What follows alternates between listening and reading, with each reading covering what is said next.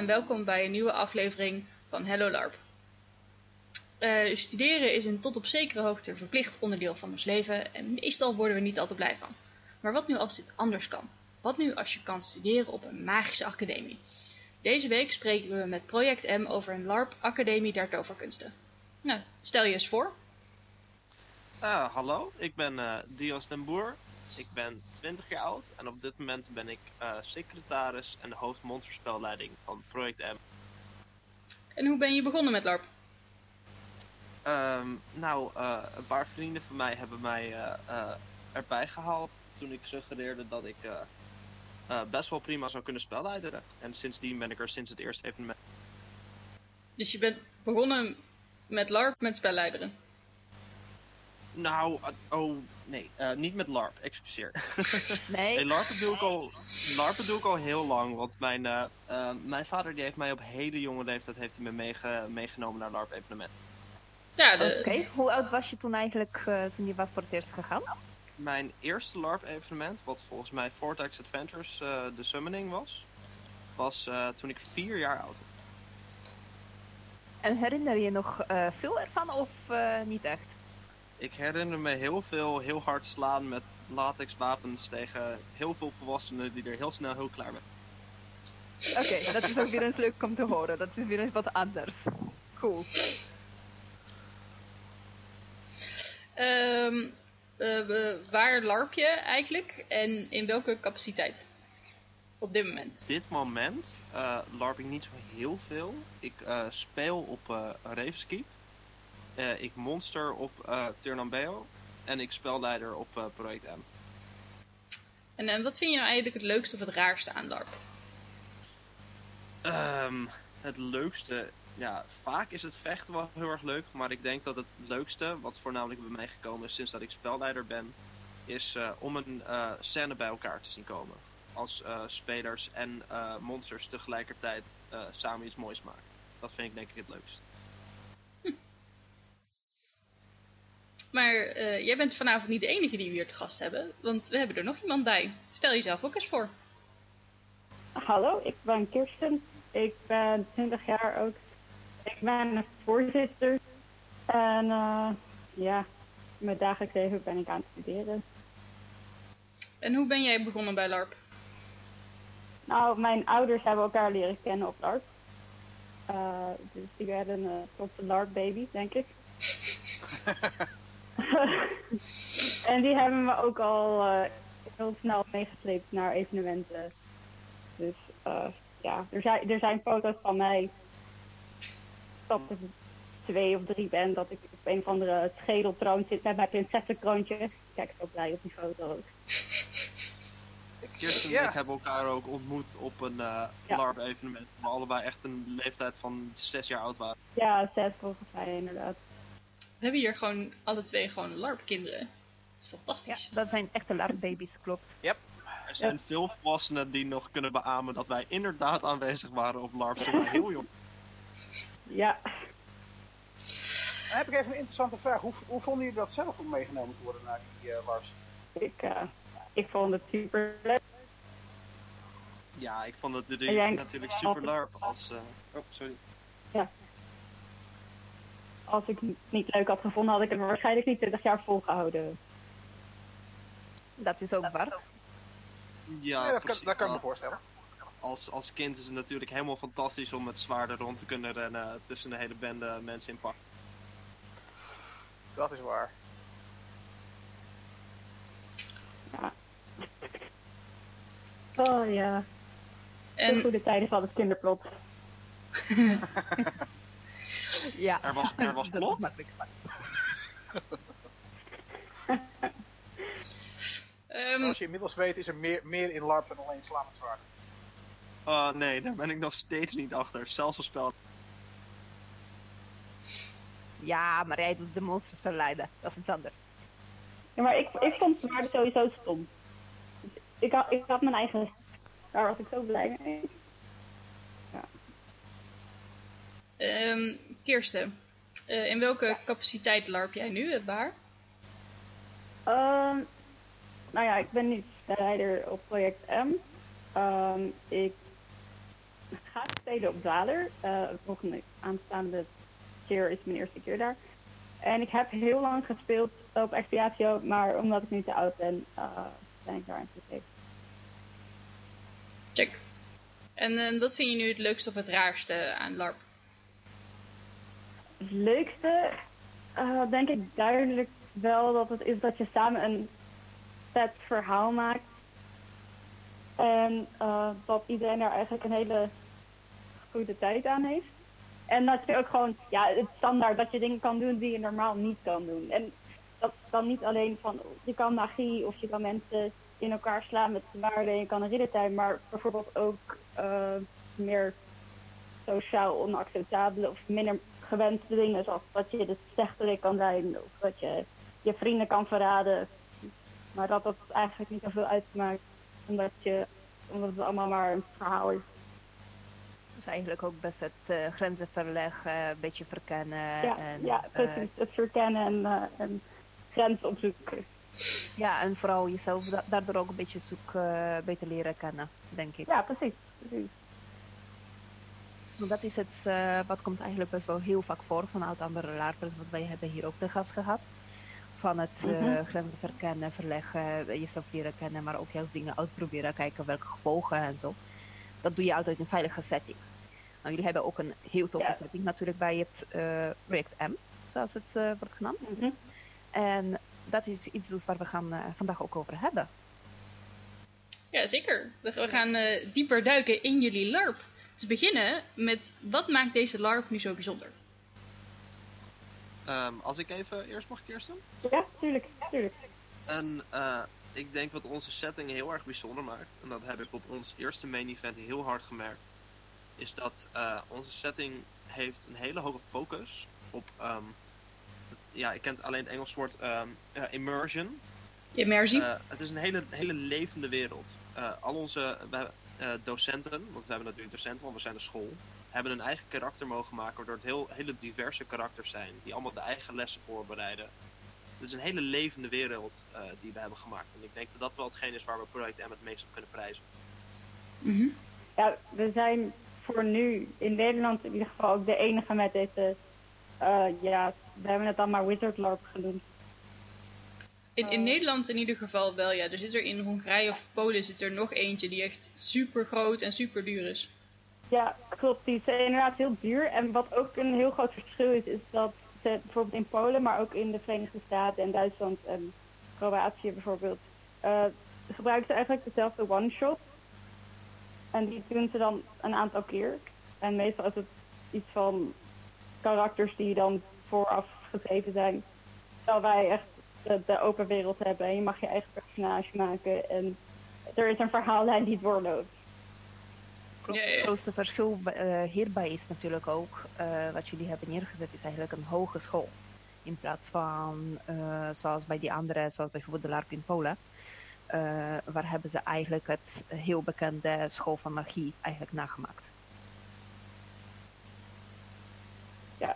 Eh, het is inderdaad een hogeschool, dus daarom is het ook eh, voor, voor spelers die kunnen een, een studie kiezen die ze dan in een bepaalde, die ze dan bepaalde spreuken zal leren ehm, en bepaalde vaardigheden die dan bij die studie passen kunnen doen. Dat is inderdaad wel echt super tof. En Ja, eh, wat willen jullie eigenlijk bereiken met deze LARP?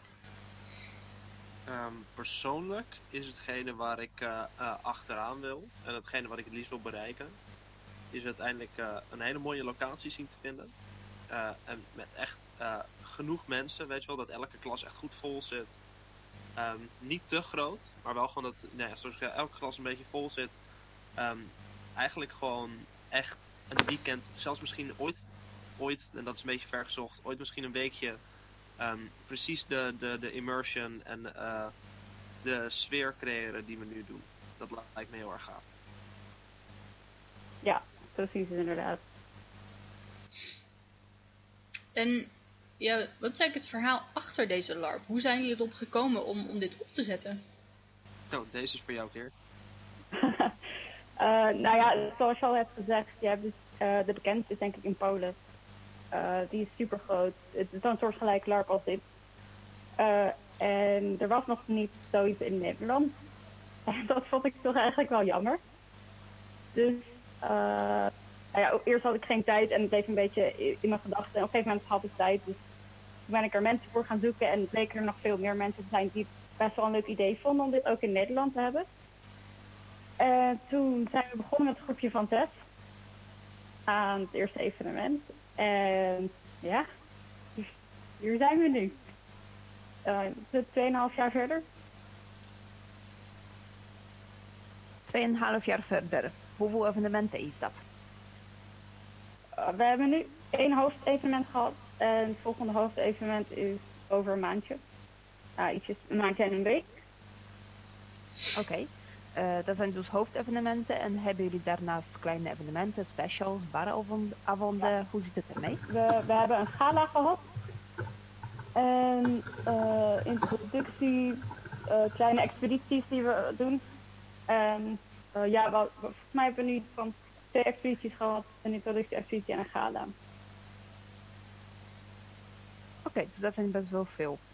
En eh, hoe pakken jullie zo'n evenement aan? Want dit is natuurlijk weer eens wat anders dan eh, standaard LARP eigenlijk in principe. Over het algemeen, ehm, nou ja, na, behalve alle logistiek dingen als locatie regelen, dat soort dingen, ehm, is het voornamelijk heel veel eh plots schrijven.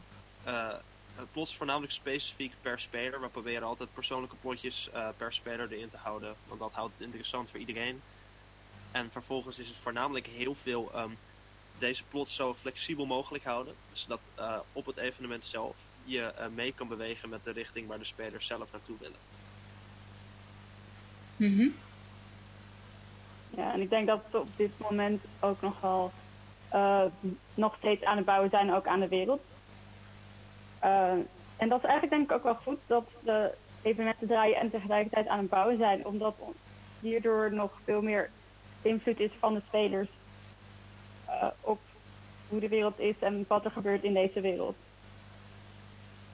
Dus jullie zijn nog vooral bezig met de wereld ook ontwikkelen en kijken wat gaan jullie aanpakken dus eh, na elk evenement. Want natuurlijk door spelersacties zijn er ook andere gevolgen en zo. Ja, ja, zeker. Volgens mij is er niet één evenement ge- eh, geweest waar de spelers geen invloed hebben gehad op wat er in de wereld is gebeurd. Hoewel ze het misschien nog zelf helemaal niet doorhebben. Hebben ze wel degelijk een zeer grote invloed op eh, wat er gebeurt. Ja, maar dat, is altijd zo, maar dat is altijd zo met de spelers. Die hebben nooit door hoeveel invloed hebben ze op de wereld. Dus maak je daar geen zorgen over. Dat is, Oh, daar, eh, daar maak ik me geen zorgen over. Dat, dat kunnen ze dan vanzelf uitvinden. Of niet. Klopt. Nou ja, verder hebben jullie natuurlijk een beetje eh, spelers wat jullie mee omgaan. Natuurlijk, zoals je zei, persoonlijke approaches en dat soort dingen. Op wat voor spelers richten jullie zich op? Of eh, welke spelers juist niet? Zijn er requirements voor eh, rollen of personages? Nou ja, niet specifiek natuurlijk. Ehm we hebben voornamelijk eh, mensen van rond de 16 en ouder. Eh, Ja, maar ja, er, nee, hm. Er, er is natuurlijk één ding wat wel, het is wel 16 plus. ja, dat is logisch natuurlijk. En voor de rest, Ja, we, hebben kozen- wat, we hebben wat oudere spelers rondlopen, ehm, maar we hebben ook, me- meestal ligt het rond eh, de 16 en 18. hm, volgens mij zit er rond 20. Maar is het er ook een, een leeftijd gebonden aan tot zo oud mag je zijn eh, als student en dan eh, als je ouder bent dan word je automatisch docent? Nee, Nee, dat staat ook aangegeven in het eh, regelboek. Eh, docenten zijn in principe, de professors zijn NPC's. Maar eh, gezien het feit dat, eh, want als ik het goed heb begrepen, speelt deze LARP zich af in het moderne wereld, in moderne tijd, dus nu. Ja. En dat houdt dus ook in dan dat, eh ongeacht de leeftijd, kan je naar hogeschool. Want dat is nu in principe precies hetzelfde. Dus Ja. ik zou er niet raar van opkijken als je eh, op je dertigste, om het zo te zeggen, even mijn leeftijd pakken. Hè? Ik ben oud jongens. eh, naar een hogeschool gaat. Want nee, hè, ja, precies. Maar waarom hebben jullie gekozen voor de 16 en ouder en niet voor 18 en ouder?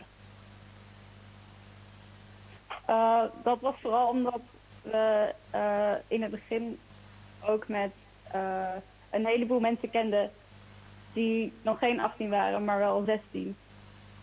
En het zou toch jammer zijn als die mensen niet zouden kunnen komen.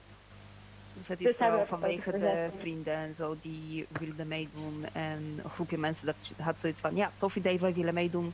En ja. die mensen waren net onder de leeftijd, om het zo te zeggen. Dus uh, daar hebben jullie op aangehouden. Nou ja, het is natuurlijk ook gewoon dat um, uh, het, het idee wat wij hebben en wat wij uh, voorschrijven, is iets wat vaak met jongere mensen vaak.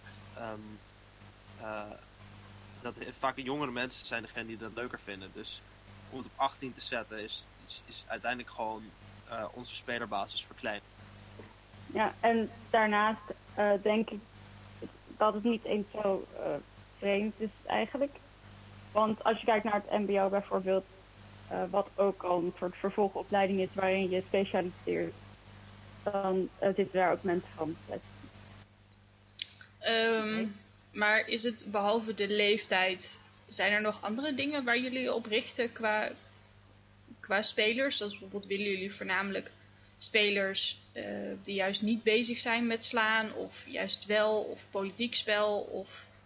Um, ja, er zijn natuurlijk heel ehm. veel verschillende soorten uh, spel wat je allemaal kan vinden. En waar, ja, waar richten jullie je voornamelijk op? Ik denk uh, dat omdat we ons meer focussen op magie en toverstokken en ehm, heel veel minder op LARP-wapens, komen eigenlijk haast niet uh, dat het, als je echt op zoek bent naar hutslot en veel vechten, dat, je dan, dat het dan misschien niet helemaal uh, is wat je doet. Maar aan de andere kant hebben we ook vechten met magie. Dus meer als het, het duelleren en toverspreuken doen in grote gevechten en dergelijke. Het, het is anders. Uh, dus dat is wel iets, denk ik, om mee te houden. Want hebben jullie, want uh, de, meeste uh, LARP is het zo van, uh, nou je kent een spreuk, dan, dan kun je hem casten en dan moeten beide partijen moeten eigenlijk meteen, hoeven eigenlijk alleen maar te weten van oké, wat doet de spreuk? Maar ik neem aan dat als bij jullie een spreuk wordt aangeleerd, dat er ook nog de kans bestaat dat hij nog niet naar behoren werkt. Um, hoe gaan jullie daar mee om? Nou, ik denk niet dat, het, dat je het moet zien als dat het niet zou werken. Je moet het een beetje zien als dat uh, je hebt verschillende um, niveaus aan spreuken die wij binden aan leerjaren. Dus als jij een, een, een, hogere student bent, kan jij grotere spreuken gooien dan iemand die net begonnen is, weet je wel. Mm -hmm. Maar uh, de interesse in, in gevechten komt voornamelijk in het feit dat um, de spreuken die jij gooit, je kan natuurlijk niet voor eeuwig spreuken blijven gooien. Dat, dat, dat, dat zou de hele setting een beetje heel moeilijk maken. Dus um, uh, om het even kort uit te leggen. Uh, het idee van, van onze magie is dat de, de, magische energie vanuit de grond opkomt door en door de toverstaf uh, uitgevuurd wordt. Het idee is dus dat als je te veel magie gaat gebruiken, dat, het, dat je letterlijk gewoon dat, dat, je te veel energie in je lichaam krijgt. Dat het um, in de weg gaat zitten, dat het pijn gaat doen. Het idee is dus dat je echt moet gaan nadenken over wanneer gooi je welke spreuk en hoeveel verdedigingsspreuken bijvoorbeeld heeft de tegenstander.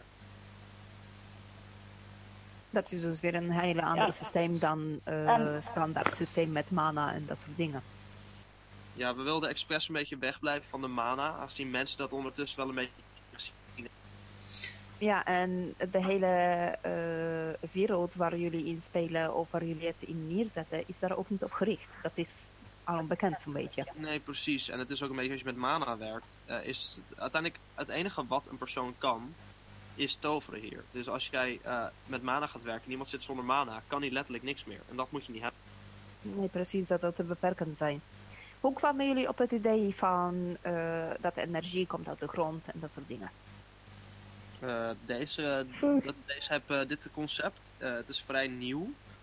Um, dit heb ik geschreven met hulp van de rest van het spel. Maar het originele concept van hoe um, de magie functioneert, functioneert hier, heb ik, heb ik geschreven.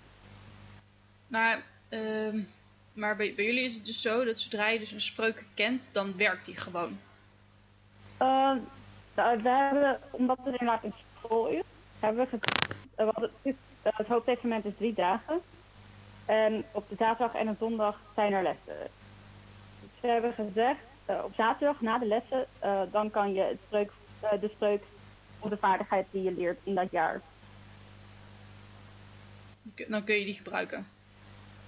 Over Ja. het algemeen spendeer je ook een, een, een hele les aan het leren van een bepaalde spreuk. Dus het is niet dat je, je, je kent hem en je, leer, eh, je kan hem. Je spendeert elke les die, we, die de leerlingen krijgen, ehm, spendeer je met het leren. Ja, nee, dat, dat snap ik. Dus hoe gaan jullie om met het leren van de spreuk? Zeg maar, hoe... Ja, daar, daar hebben we dus de, de lessen voor en de docenten eh, die zo, is het, van 9 tot, is het, half met een uur lunchpauze tussendoor. Dat er tijd wordt besteed aan lessen om spreuken en vaardigheden te leren. Ja, ik eh, persoonlijk spreek, eh, speel ik nu ook de rol van een van de leerkrachten op, eh, op het evenement. En ehm, nou ja, ik ben niet een persoon die spreuken aanleert. Ik ben meer een persoon die echt wel met kennis werkt, aangezien ik de zooloog ben. Maar ehm, om het makkelijk uit te leggen is dat ik... ehm, over het algemeen wordt eerst de, de werking op een iets wat wetenschappelijk level van de spreuk wordt uitgelegd. Eh, dan wordt er, er wordt er met bewegingen gewerkt, wordt er geoefend. Eh, soms bijvoorbeeld in een duelleerklas eh, ga je tegen elkaar kan je oefenen. Ehm, het is echt gewoon eh, een heel proces. Maar zit er dan ook een... En, een ehm, want eh, als ik een voorbeeld mag geven van wat ik heb gehoord dat er is gebeurd tijdens een van de lessen eh, afgelopen academie. Ehm, dat was tijdens lessen transfiguratie. En de professor had ze aangeleerd hoe ze zichzelf onzichtbaar konden maken. Mhm. En eh, hij had ze daar ook huiswerk voor opgegeven. En ehm, toen was de volgende dag was het, nou oké, huiswerk gedaan, eh, gecontroleerd. Dus oké, gaan we niet testen hoe goed jullie het kunnen doen. Eh, dus wat hij deed, iedereen moest zijn ogen richten. En degene die die dan aantikt, van hen was het gelukt om hem zichtbaar te doen. En eh, hij telde af en dan kon iedereen zijn oog weer openen. En als het eh, bij één iemand, volgens mij was het dan niet gelukt van de vijf of zes. Oh, Ja, ja, op die ja. manier wordt het dan ook. Ja, ja, ja, dat, is inderdaad... eh, eh, ja, dat is, dan, dat is inderdaad een beetje waar ik inderdaad naar op zoek was. Van als jullie dan, wanneer je het dan aan het uitproberen bent, zit er dan een spelleiding bij die zegt van oké, jouw spreuk, eh, het is leuk dat je hem hebt gecast, maar hij werkte nog niet, maar het heeft deze uitwerking gehad. Ik denk ehm, dat als je dat wilt doen voor alle spelers die we hebben en de hoeveelheid spelers en de hoeveelheid spreuken die elke speler kan, ehm, dat dat heel erg lastig is om te doen. Ja, daarom was ik er dus ook nieuwsgierig naar, naar hoe dat jullie dat eh, deden aanpakken. Ja. Want d- Daar ja, heb ik wel even een andere vraag meteen op.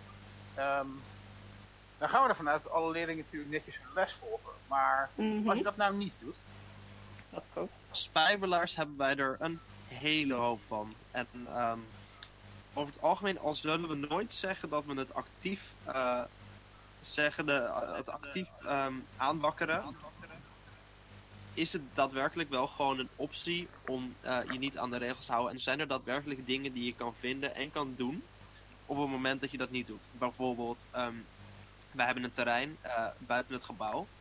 En op het moment dat eh, eh, de spelers na eh, de eh, uren naar buiten sluipen, zijn er wel daadwerkelijk encounters die je daar kan hebben. En docenten die wachtpatrouilles lopen. oké. maar als, als ik bijvoorbeeld ook niet braaf ben in de klas, ik neem aan dat docenten eventueel straffen. Afhankelijk van de docent. en afhankelijk van de les waarschijnlijk. Ja, Nee, maar ik, ik kan me zo voorstellen dat als jij je misdraagt in de genoeg misdraagt in de les, dat het ook voor jullie mogelijk is om een les te falen. ja. Als jij besluit om al je lessen te skippen en in plaats van iets anders te doen, dan kan het inderdaad wel zijn dat je niet de vaardigheid of spreuk leert van dat jaar. Nee, oké. blijf je dan ook zitten? Of Nou ja, je krijgt dan natuurlijk geen eh, punten. Want dat is eh, natuurlijk nou ook wel heel belangrijk. Hè? De punten verzamelen voor je mhm. ja, mhm. voor het specifieke huis en cetera dingen. Ja, nou ja, af, afdeling. Afdeling, sorry, ja. Dat oké. Dat gebeurt heel vaak. Um,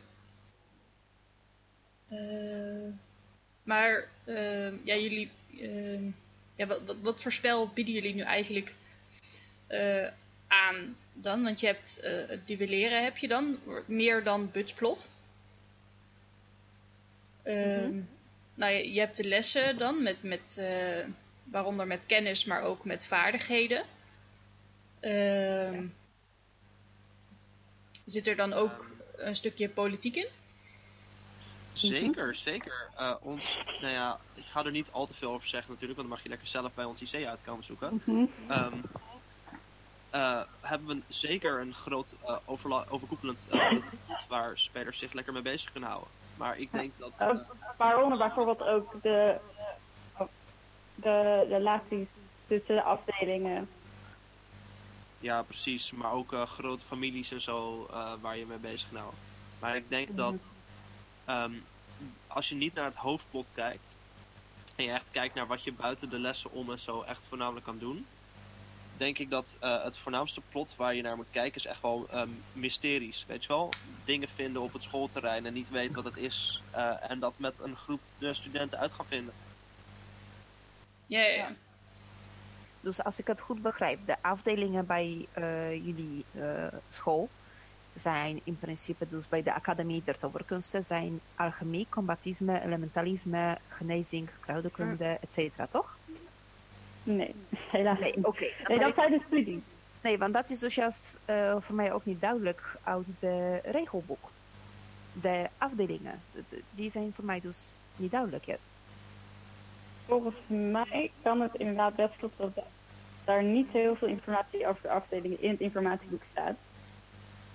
Ehm, er is wel iets over te vinden op de website, ja?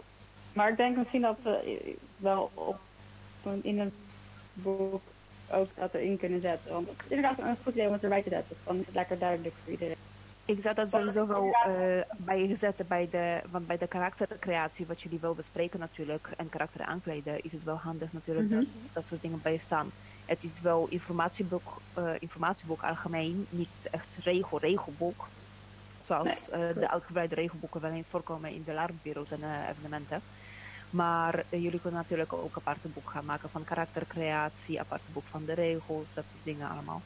Dus in Mhm. principe, daar kan je altijd iets mee doen. Maar ik zou dat wel gewoon eh, erbij zetten, want als ik zeg maar zo in één oogopslag eh, per direct de eerste beste linkje pak, kan ik het niet genoeg vinden. Nou ja, ik heb jullie site openstaan. Wat ik, wat ik van, van de afdelingen zie, is inderdaad heel sumier. eh een klein stukje ideale symbool, kleuren en stichter. Maar daar houdt het inderdaad qua informatie ook echt wel, eh, echt wel op. Het idee wat we wel hebben bij de afdeling is natuurlijk ook gewoon heel erg dat het in-game uitgevonden wordt. Mhm. Like, sure, je weet een beetje waar ze voor staan en je weet een beetje wat het is, maar het is voornamelijk dat jij als persoon defineert waarom jij bij een, een, een, een, de- eh, een huis hoort, weet je wel? Mhm. Ah, oké, ja. Dat ben ik mee eens. Het eh, zoek het maar eh, IC uit is een hele grote Ja. punt. Ja, precies. Maar eh, als je hebt niks om op terug te bouwen, dus bijvoorbeeld eh, denk bij, en eh, hierbij denk ik wel heel uitgebreid misschien. Laten we zeggen, een voorbeeld, afdeling Carabas. Idealen zijn instinct, moed, creativiteit, symbool, kleuren, eh, stichter. Oké, waarom die stichter? Eh, wat is zijn verhaal? Waarom heeft hij de affiniteit met die idealen specifiek? Waarom specifiek Ja, er- symbool? Dat soort dingen zou Daar ik kan ik maar één ding op zeggen. En dat is zoek dat IC maar uit. Dat is een heel makkelijke manier van het afzeggen. Ja, dat klopt, maar het, het idee wat je ook voor moet stellen, je kiest niet als persoon van tevoren welk huis je in komt. Eh, op het moment dat jij als nieuwe speler eh, aankomt, eh, krijg jij, eh, krijgt elke nieuwe speler gaat eerst ingedeeld worden bij welke eh, afdeling ze komen. Ma- Mag ik naar vragen op welke manier dat dat gebeurt? Ja, dat dat verschilt dat- per jaar. Want het is, eh, de- nou, het, het, concept blijft hetzelfde. Elke afdeling heeft een eigen opdracht waar de ouderejaars aan meedoen. En de eerstejaars die doen elke opdracht. En ehm, ondertussen kijken de ouderejaars naar de eerstejaars en maken op die manier een soort van ranglijst. En dan komen de afdelingshoofden bij elkaar en eh, dan gaan ze op die volgorde van ranglijst kiezen ze wie er bij hun in de afdeling komt. Dus eh, ze krijgen punten toegekend van bij welke huis ze het beste horen. Ehm, zo, zoiets ongeveer, ja. Ja. Ja, basic. Eh, die worden overigens achteraf niet bekendgemaakt. Ook niet als je spelers gaat briben. Eh, dat ehm, mag je zelf gaan proberen. Dat is iets anders, dat valt onder het roleplay. Maar Ehm, het is dus wel een manier van eh, indelen in de afdelingen op een, een helemaal andere manier dan je zou eigenlijk verwachten van zoiets. De meeste mensen zijn natuurlijk gewend van hey, je komt eh, voor, met een karakter en die idee hebben specifiek in die eh, huis. Nou ja, dan Mhm. moet je zorgen dat je spaart, spaart dus genoeg punten voor die specifieke huis, afdeling, om daar te komen. Als ik het goed heb begrepen. Nee. Het, is echt... Mag, eh, mag ik eh, even een, eh, een voorbeeld geven, Kirsten? Ja, natuurlijk.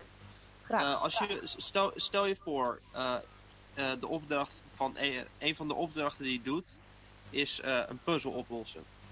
Ehm, bij elke opdracht staat dus inderdaad, zoals we zeiden, een, een afdelingshoofd.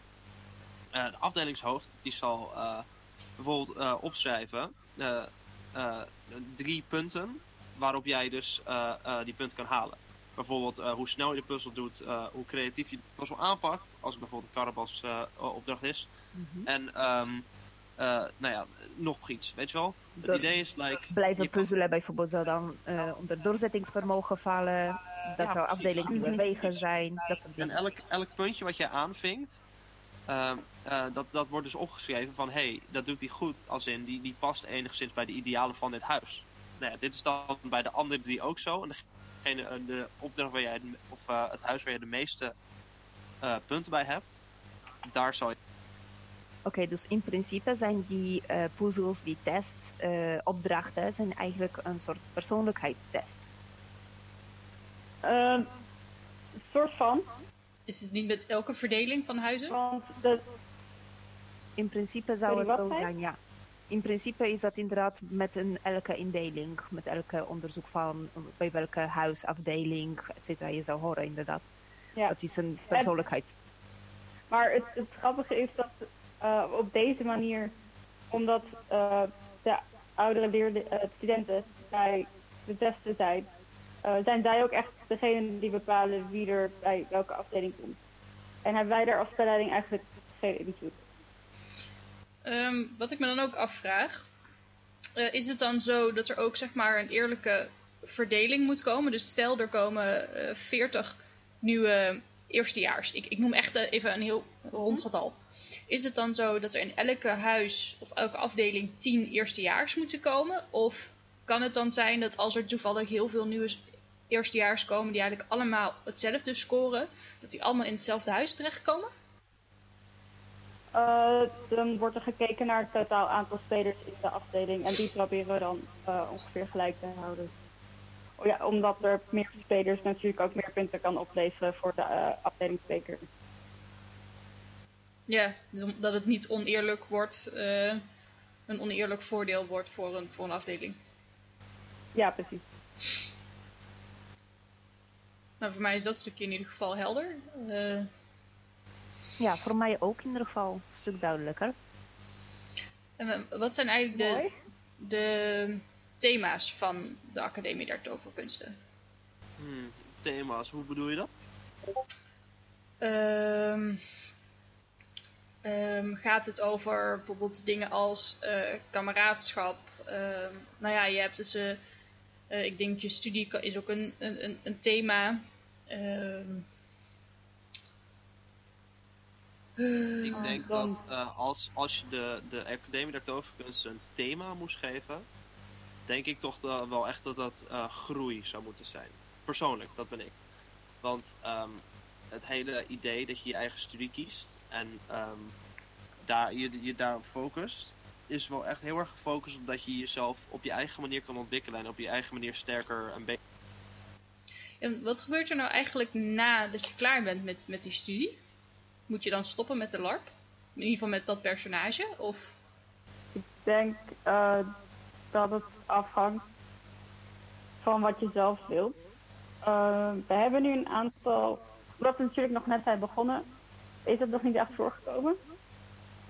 Eh, dus nu kan het ook zijn. dus Er, er is, als we zien dat je goed genoeg hebt, of dat, dat het lekker werkt en dat je personage gewoon goed loopt, dan is het mogelijk om docent te worden. Ehm we zitten ook te kijken of mensen eventueel een tweede studie kunnen doen. Of dat je inderdaad ehm, stopt. Maar dat is nog iets voor de toekomst. Dus dat kan nog allemaal veranderen. ja, ja, maar, ja, het, dat ehm, is heel erg in de experimentele fase. Maar dus de, de keuze blijft eigenlijk: je bent of student of je zou eventueel docent kunnen worden. Maar het is bijvoorbeeld niet mogelijk om andere banen binnen de school te krijgen of binnen de wereld. Oh, er zijn zeker Eh, meerdere banen binnen, binnen, binnen de school. Zeker. Ja. En die zijn ook eh, mogelijk voor spelers of is dat voor NPC's? Ik, ik denk dat dat uiteindelijk ook mogelijk moet kunnen zijn eh, voor spelers. Ja. Ik denk het ook wel, ja. Ehm, Het zou bijvoorbeeld heel gaaf zijn als een eh, afgestudeerde alchemist of zooloog komt even lesgeven of als een gastspreker bij school. Zoiets bijvoorbeeld, denk ik dan. Ja, precies. Mhm. Dat zou heel erg leuk zijn. En is er een overkoepelend verhaal van deze LARP waar je iets over kan vertellen? Ik kan een, een tipje van de sluier geven, zeker. Maar je, je, weet, je weet het antwoord eh, eh, wat er gaat komen als je vraagt of er meer kan komen. Ehm, maar ehm, het idee wat wij nu hebben, en het overkoepelende verhaal een beetje, is dat ehm, we hebben twee groepen eh, groeperingen. Je hebt nou natuurlijk gewoon het ministerie, die eh, eh, de macht heeft in het land. En degene die het niet eens zijn met het minis- ministerie. Ja.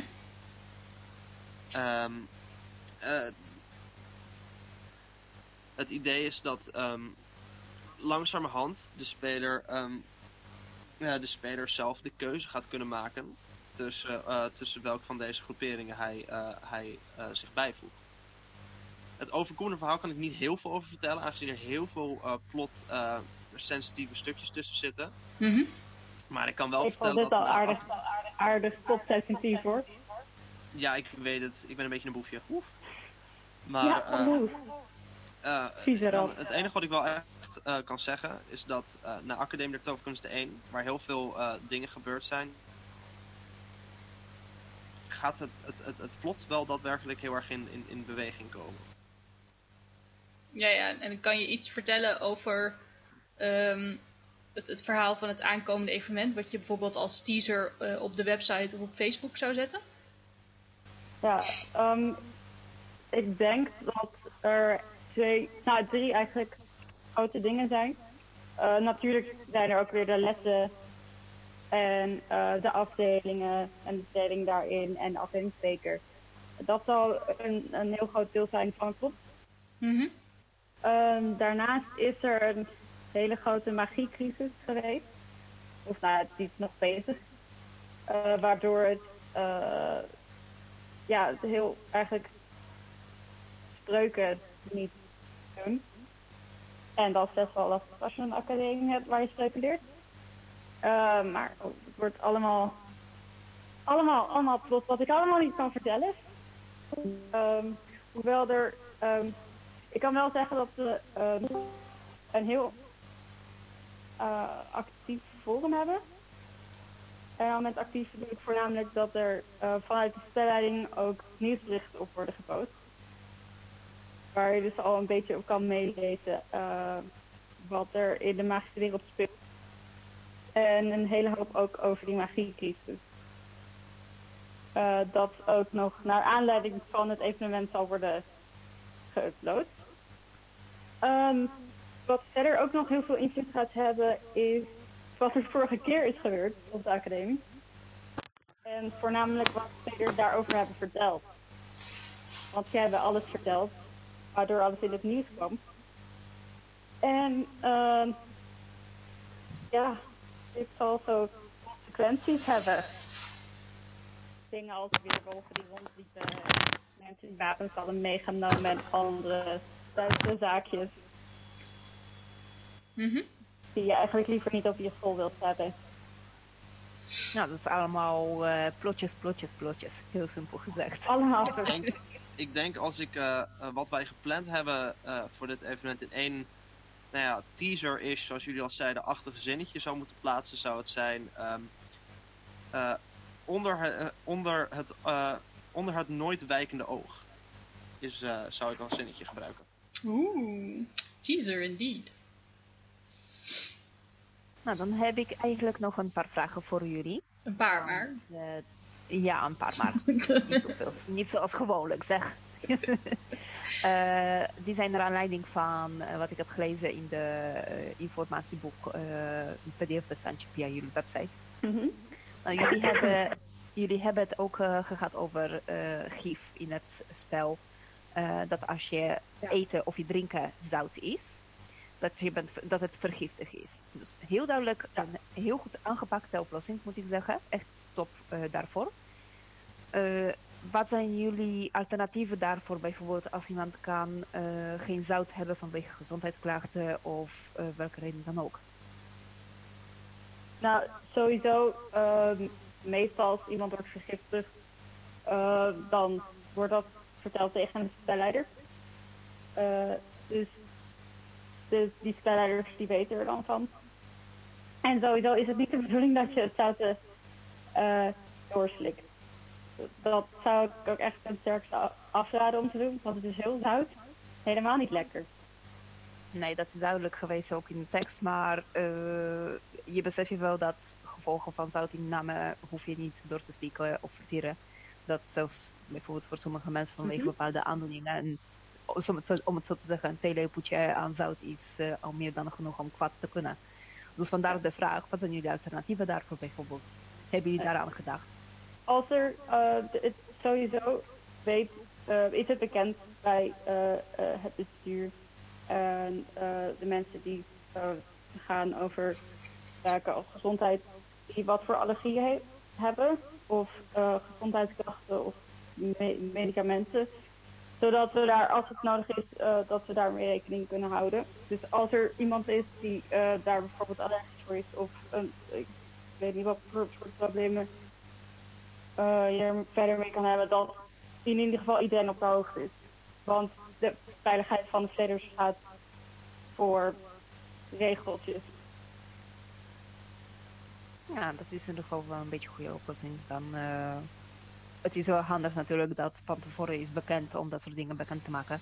Bij spelleiding en bij de orga. Dus dat is sowieso wel een slimme.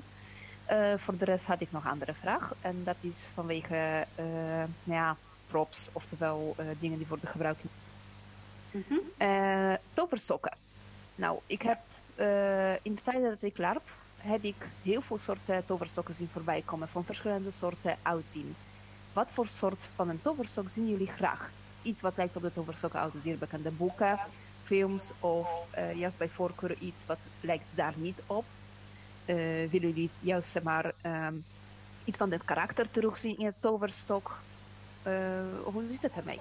Nou, ehm, om over mijn persoonlijke toverstok te spreken, die op dit moment in de maak is. Het karakter wat, wat ik speel is een, een, een jager. Dus die jaagt op magische wezens. En het idee dat eh, je toverstok eh, een deel van jezelf weergeeft, is wel zeker aanwezig in onze setting. Eh, die van mij bijvoorbeeld is gemaakt uit de hoorn van een wezen. Maar ik ken ook anderen die rondlopen met, met kleine afgebrande stompjes, aangezien die gewoon niet heel netjes omgaat met spullen. Het idee dat het inderdaad je, je toverstok net zoveel karakter hebt als jij, is wel heel erg mooi. En als het gaat om soorten, ja, we hebben echt allerlei soorten en maten gezien. We hebben mensen die rondlopen met wandelstokken met toverstafjes erin. Eh, mensen gezien met, eh, eh, met volledige wandelstokken als toverstafjes. Ja, ik wil net vragen of er is een beperking van maat. Oh, nou ja, we willen natuurlijk niet mee dat je met een 10 meter lange polstok rond gaat rennen. En ja, Maar daar gaat mijn idee. ja, ik weet het, het spijt me. Ehm, maar hou het realistisch, weet je wel. Zorg ervoor dat je het mee kan nemen en, en niemand bij mee doet. En anders vind ik het persoonlijk eh, fair game. Ja, dat is inderdaad, want als het past natuurlijk bij je personage of als het weerspiegelt jouw personage, dan hè, ten voetbal, om het zo te zeggen, is een eh, optie. Al- Als jouw karakter constant overcompenseert, dan eh, denk ik dat die ten voetbal misschien... een- Ja, of om irritante mensen op afstand te houden, hè. Het is idee. Eh, jullie hadden het ook over eh LARP-wapens, natuurlijk ook op school. Eh, daar had ik echt een- even een vraagteken bij, want wat zou een reden zijn voor iemand om een wapen mee te nemen naar een school? Ja, Nou, jullie hadden het over magiecrisis, dus ik neem aan dat eh, er is iets niet zo pluis aan de hand in de wereld. Ja. Wij hebben heel veel spelers die bijvoorbeeld kruidenkundigen zijn en die hebben eh larpmesjes bij zich om eh, kruiden mee te snijden. Maar heel veel, ondanks het feit dat alle docenten zeggen dat het niet mag, eh, gebruiken ze ook wel eens ter zelfverdediging. Ja, dat is hè, een mes, is een wapen, let's face it. Maar, de- de- Maar dan moeten ze dus... feit- Sorry, Ja, eh, Kotka. Moeten ze voor die les ehm, dan ook echt een, een larp dolkje ei- in feite ehm, gebruiken? Ja, ja, zeker. Ze mogen... Ja, ja. Echte wapens zijn niet toegestaan. Dus eh snijmesjes, dat soort dingen ook niet. Nee, nou ja, het is een beetje, like, als iemand rondloopt met gewoon een, een, een Zwitsers zakmesje bij, weet je, zolang er niks verkeerds mee gaat, zolang er gewoon eh, die persoon er verantwoordelijk mee om kan gaan, ehm, zou er geen probleem mee gaan. Ik bedoel, gewoon echt bloemetjes en zo eh, eh, eh, meenemen is natuurlijk super leuk als kruidenkundige. Ehm, ja, maar het moet natuurlijk, we willen niet dat er iemand daar rond gaat lopen met een Crocodile Dundee-stijl eh, stijl, eh, machette. Nee, precies. Nee, nee, nee. Ehm, gezien het feit dat deze eh, wereld, deze LARP speelt zich af in moderne tijd, ehm, betekent dat dus dat je kan ook eh LARP vuurwapens gebruiken? Ik heb persoonlijk eh, als karakter een LARP vuurwapen bij me. Eh, tot nu toe ben ik de enige geweest. Eh, maar de mogelijkheid bestaat natuurlijk. Ehm, in-game, ja, je, je speelt een leerling. Dus als een docent jou pakt met een, met, met een geweer bij, dan heb je wel echt een probleem. Maar technisch gezien bestaat de mogelijkheid. Oké, en eh, wat voor soort eh LARP-wapen gebru- eh, keuren jullie dan goed bijvoorbeeld? Is dat een nerf of zijn het andere dingen? Over het algemeen zijn de vuurwapens ehm, zijn voornamelijk eh sier- en of replica wapens. Om het mooi te houden.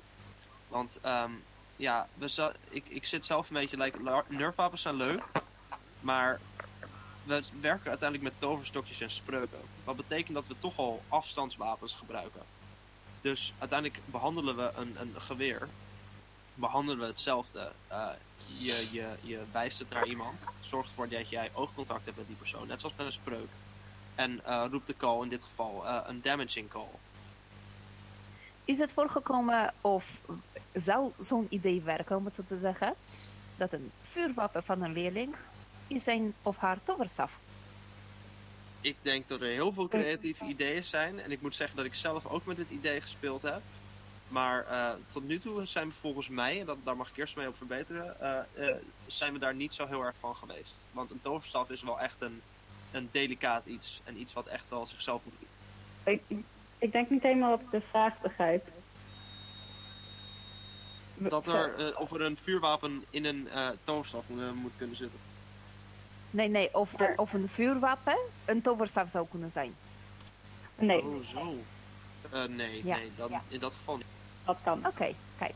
Ja, dat is juist, want eh, je zou je bijvoorbeeld kunnen voor bedenken, eh, jullie krijgen een eh immigrantleerling, die komt uit Texas, laten we zeggen even heel erg stereotype pakken. Mhm, mhm. En eh, bijvoorbeeld voor die persoon zou een vuurwapen als toverstok werken, want dat is een deel van de achtergrond van het persoon, daar heeft iemand mee. Ik snap Nee, dat. eh, dat is een, eh, ga maar. kunnen. Ja, nee, vuurwapens die eh, kunnen nooit als overstof worden gebruikt. Een toverstok is een heel specifiek iets wat een hele specifieke functie heeft. En dat kan niet zomaar eh, gemixt worden met eh, iets wat een compleet andere functie Oké, dan snap ik. En wat gebeurt er, of is het überhaupt mogelijk, dat een toverstok gaat kapot? Dat, kan. Wat moet er dan gedaan worden? Of is het mogelijk om het te repareren? Of eh, moet er nieuwe eh, toverstok worden gemaakt? Hoe zit het daarmee? Ik zou zeggen, je kan het proberen te repareren. Maar ga niet zeggen wat er dan gebeurt, want dat mag je lekker zelf uitproberen. Over het algemeen het gevolg is wilde magie. Zo kan je het zien. Het heeft een fantastisch kleurrijke hoeveelheid gevolgen die waarschijnlijk allemaal niet worden. Worteltjes regen en zo, hè? Maar het is wel aan... Oh, sorry. Nee, ga. Eh, het, het is aan te raden om eh, iets van de reserve toverstok mee te nemen voor het geval eh, de prop echt te breken. Ja, Eh, voor het Want geval echt prop... vijf toverstokken kwijtgeraakt. Ja, voor het Ja, geval dat de prop zelf gaat breken. Niet zozeer het, eh, het toverstok in het spel, om het zo te zeggen. Mhm. Ja, dat is, dat is logisch dat eh, de meeste larpers hebben meerdere eh props van iets mee. Want eh, we weten hoe breekbaar zijn de dingen, helaas. Mhm.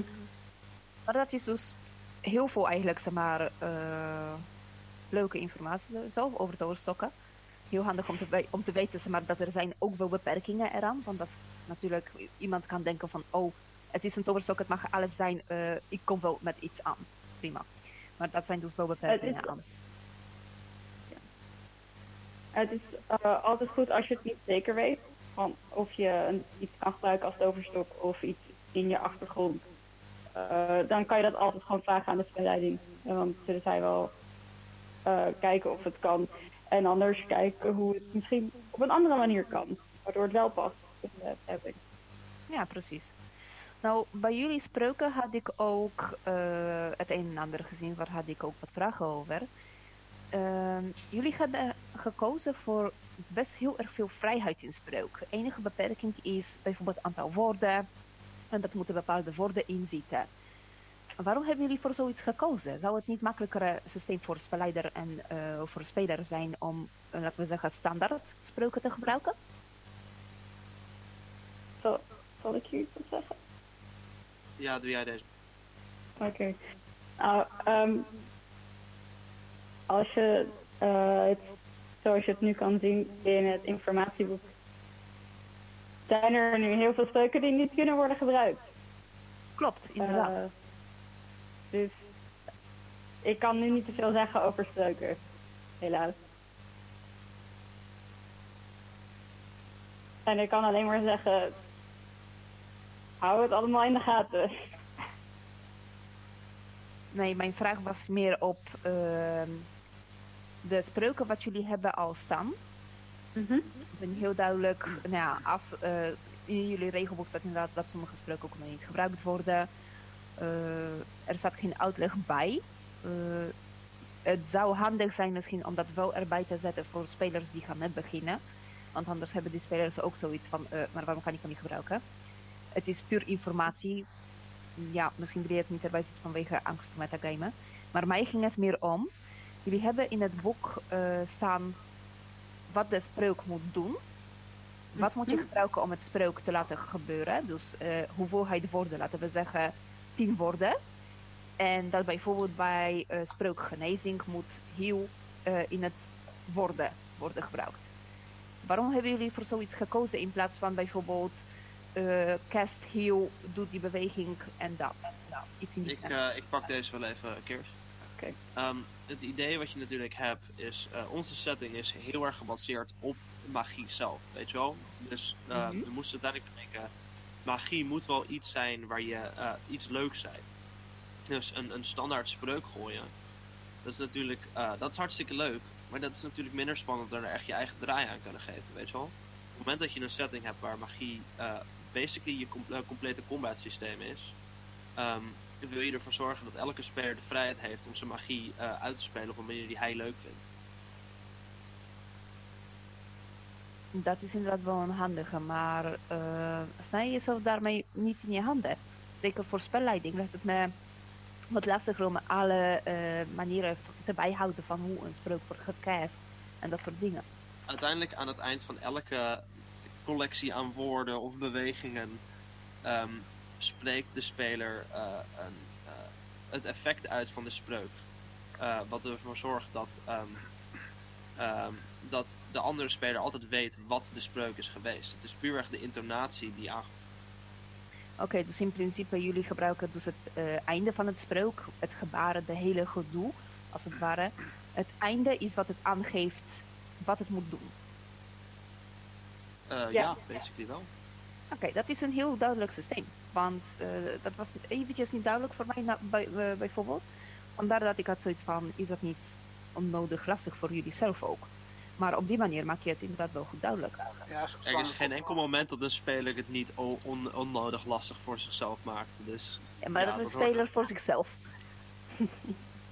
ja, en een spelleider nog tien keer dat.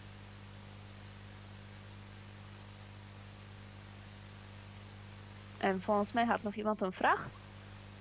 Eh, nee, het enige wat me inderdaad opvalt is dat ze dat inderdaad hetzelfde, wat dat betreft hetzelfde systeem hanteren als onder andere bij Booyah gebruikt wordt. Inderdaad, call is je, je, je effect call is eigenlijk, eigenlijk wat je spreuk maakt en de rest mag je niet doen.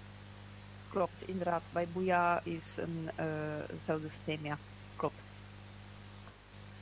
Nou ja, dat waren eigenlijk zo'n beetje mijn vragen. Bedankt voor het antwoorden en eh, sorry als ik heb het onnodig ingewikkeld gemaakt. Weer. Daar zijn we als spelleiding ondertussen wel gewend aan. Een onnodig Mag ik me- ingewikkeld. Mag ik wel hopen, zeg. Als je jullie... onze spelers ontmoet, dan, dan, dan denk ik dat je, dat, dat je begint dat je realiseert dat, het- dat jullie enorm Nou ja, je, Hey, je, onze spelers zijn hartstikke cool. je hebt zo'n beetje een hogeschool opgericht, weet je, met eh, magie als een sideshow. Eh, dat wordt sowieso al ingewikkeld genoeg. precies. Hebben jullie zelf nog iets wat jullie willen vertellen over jullie LARP? Eh, niet specifiek. Kom LARPen per M vooral. Ja, 15 tot en met 17 februari. Er zijn nog spelersplekken. Dan eh, denk ik... En NPC-plekken, want ik ben toevallig de monsterspelleiding en ik word heel blij van de NPC. eh, want, ehm, Ja, oh. Ja. ehm, ja. Ehm, als je wilt NPC'en, dat is iets moeilijker om eh, daarin te komen, omdat je dan eh, toestemming moet hebben van de spelleiding. Omdat we graag, eh, omdat we dus zoveel verantwoordelijkheid geven aan onze docenten, willen we graag zeker weten dat dit goed wordt gedaan. Dan babbelen we altijd even met onze NPC's. Gewoon even een babbeltje. Het betekent niet dat we je de marathon laten lopen voordat je op ons evenement mag. Oeh, dat zou wel een leuk idee zijn, zeg. Eh, nee. Oké, ehm, kan de en, helft van de larpers er niet meedoen, puur vanwege astma en andere aandoeningen, hè? Hmm. Oké, Dat nou dan doen we dat. Maar het is wel waarheid. We zijn Dat kneus. maar tot verdediging moeten doen. Eh, maar ehm, hoe kunnen ze jullie daarover bereiken? Over eh, het, het willen NPC'en? Oh, dat is jouw departement, eh Keer. Spelleiding.projectm.gmail.com Nou, dan ehm, denk ik dat we hiermee aan het, eind zijn, aan het einde zijn gekomen van deze aflevering. Eh, volgende week zijn we aangekomen bij het bespreken van de ritualist. Heb je hier goede ideeën over of goede verhalen, dan willen we die graag horen. Stuur ons een Ja, berichtje. dat heb ik. Nou, stuur dat berichtje op de Hello LARP Facebookpagina of stuur een mailtje naar imke.emma.stevens@gmail.com. En hopelijk heb je door deze verhalen wat meer informatie en duidelijkheid gekregen over deze vereniging, of in ieder geval deze LARP, die weer een nieuwe versie neerzet van onze hobby. Ben je lid van de inner workings van een LARP en wil je ook jouw verhaal komen vertellen? Neem dan contact met ons op zodat we een aflevering kunnen doen over jouw LARP, waardoor nog meer mensen te weten komen hoe tof die is. Eh, deze podcast staat en valt met onze luisteraars. Dus als je verhalen hebt voor ons, of tips, of leuke onderwerpen, stuur ze deze dan alsjeblieft naar ons op via de Facebookpagina of per e-mail. Eh, want het zou natuurlijk fantastisch zijn als je in de nabije toekomst een aflevering voorbij ziet komen met jouw woorden of ideeën. Wil je nu dat in de toekomst de podcast blijft bestaan en beter wordt? Denk er dan bijvoorbeeld eens aan om een donatie naar ons te doen of een patron te worden via www.patreon.com yfmc. Dat is Griekse I FMC. Voor 5 dollar per maand krijg je dan namelijk eerder toegang tot de afleveringen, kun je een kijkje krijgen in de notities van de afleveringen en kun je ook stemmen op toekomstige afleveringen. Allemaal leuke dingen. En voor donaties kun je contact opnemen via de Facebookpagina. Tot volgende week!